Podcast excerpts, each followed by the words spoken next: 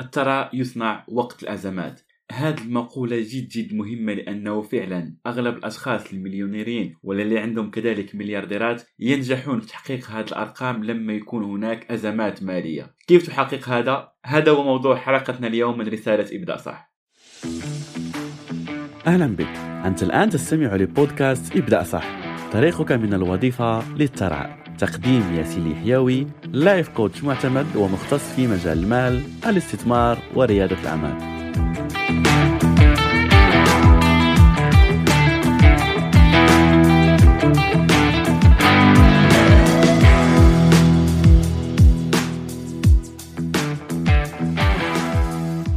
السلام عليكم ورحمة الله تعالى وبركاته. في حلقة اليوم قررت أن أشارك معك العديد من الأسرار والخطوات لكي تحقق أفضل النجاحات في الأزمات المالية واللي أكيد إحنا نمر من واحدة منها حاليا.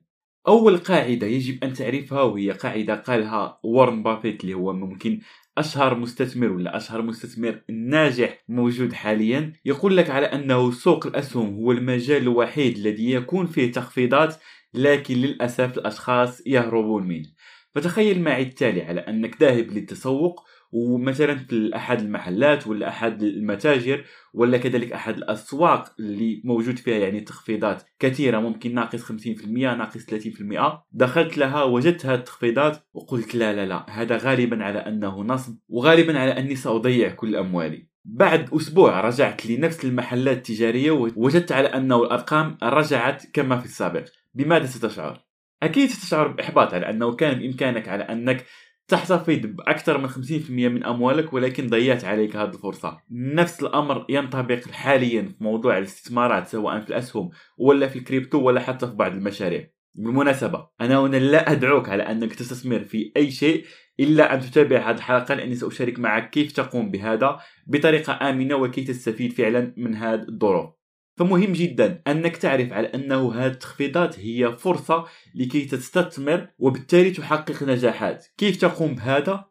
أول قاعدة من قواعد الاستثمار هي على أنه لا تبيع ابدا ابدا ابدا طول ما أنت خاسر. هل عمرك سألت نفسك الأشخاص اللي حاليا يعانون واللي يقول لك آه خسرت أموالي مثلا في مجال الكريبتو ولا في مجال الاسهم كيف يقع لهم هذا؟ لأنه بكل بساطة يقعون في أخطاء هم قاموا بها يعني المشكل ليس في مجال الكريبتو ليس في مجال الأسهم. المشكل في استراتيجية الأشخاص وأغلبهم ليس لديهم استراتيجية. وكذلك المشكل هو على أنهم يبيعون لما ترى على أنه هناك آه، انخفاض وهذا يعني مثلا حاليا ممكن في بعض ال indexes ولا بعض الأسهم اللي فيها ولا كذلك ال cryptos يعني اللي فيها انخفاض ممكن 70% 80% الأسهم 20 30% فالأشخاص ماذا يعني هذا؟ يعني لو أخذنا مثال 30% انخفاض في سهم معين يعني لو كنت استثمرت 1000 دولار وكان انخفاض 30 دولار 30% عفوا فيعني على أنه حاليا متواجد عندك 700 دولار فقط فالأشخاص يستخدمون العاطفة في هذه الناحية فيقول لك على أنه آه أوكي ضيعت ولا فقدت 300 دولار فاللهم 300 دولار ولا أضيع أموال أكثر فبالتالي يقرر أنه يبيع وعادي لو بعت ستخسر. لكن في مجال الاستثمار لا نستعمل العاطفة. وهذا يعني كنت تحدثت عنه يعني في وسائل التواصل قبل أيام وأحد الاشخاص قال لي آه, آه، أعتقد على أنه هذا ليس هو الوقت المناسب للاستثمار. فأجبت هذا الشخص يعني في التعليقات قلت له كيف عرفت هذا يعني؟ هل ما هي استراتيجيتك؟ هل عندك يعني خبرة في هذا؟ قال لي لا يعني أرى على أنه الآن السوق في تنازل وأحس يعني بنفس العبارة قال لي احس على أنه الوقت غير مناسب للاستثمار. فهنا يعني الآن تضاربت أهم قاعدة هي على أنه لا نستخدم العاطفة ولا نستخدم الأحاسيس نستعمل المنطق وقواعد. لازم يكون عندك استراتيجيات وقواعد مضبوطة. ومن بين هذه الاستراتيجيات هي استراتيجيات الاستثمار على المدى البعيد. لما تشتري سهم يجب أن تكون عندك هذه الفكرة. ما الذي سأقوم به باستعمال هذا السهم ولا باستعمال هذا الكريبتو اللي أنا اشتريته الآن؟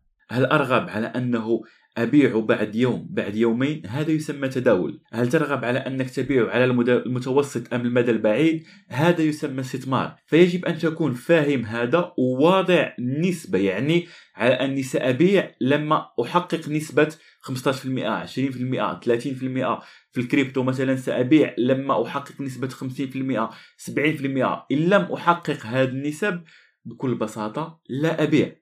وهذا هو اللي اشاركه يعني مع الأشخاص اللي متابعيني يعني على وسائل التواصل. كنت نشرت يعني صورة للعديد من الأشخاص اللي مشتركين يعني معي في دورة استثمر صح؟ اللي شاركت معهم أحد الأسهم يعني قبل أعتقد ثلاث شهور وحققوا منه. الآن يعني أكثر من 22% وهناك يعني العديد من الأشخاص اللي حققوا 25% 30% في هذه المدة اللي هي شهرين إلى ثلاث أشهر. لماذا؟ لأنه عندنا استراتيجية وعندنا هذا الهدف على أنه أقول كما أقول دائما الاستثمار هو ثلاث خطوات. اولا تحديد السهم. ثانيا تحديد نقطة الشراء. وثالثا تحديد نقطة البيع. فلما تشتري كما قلت لك في بداية الحلقة على أنه نشتري عندما يكون السهم منخفض.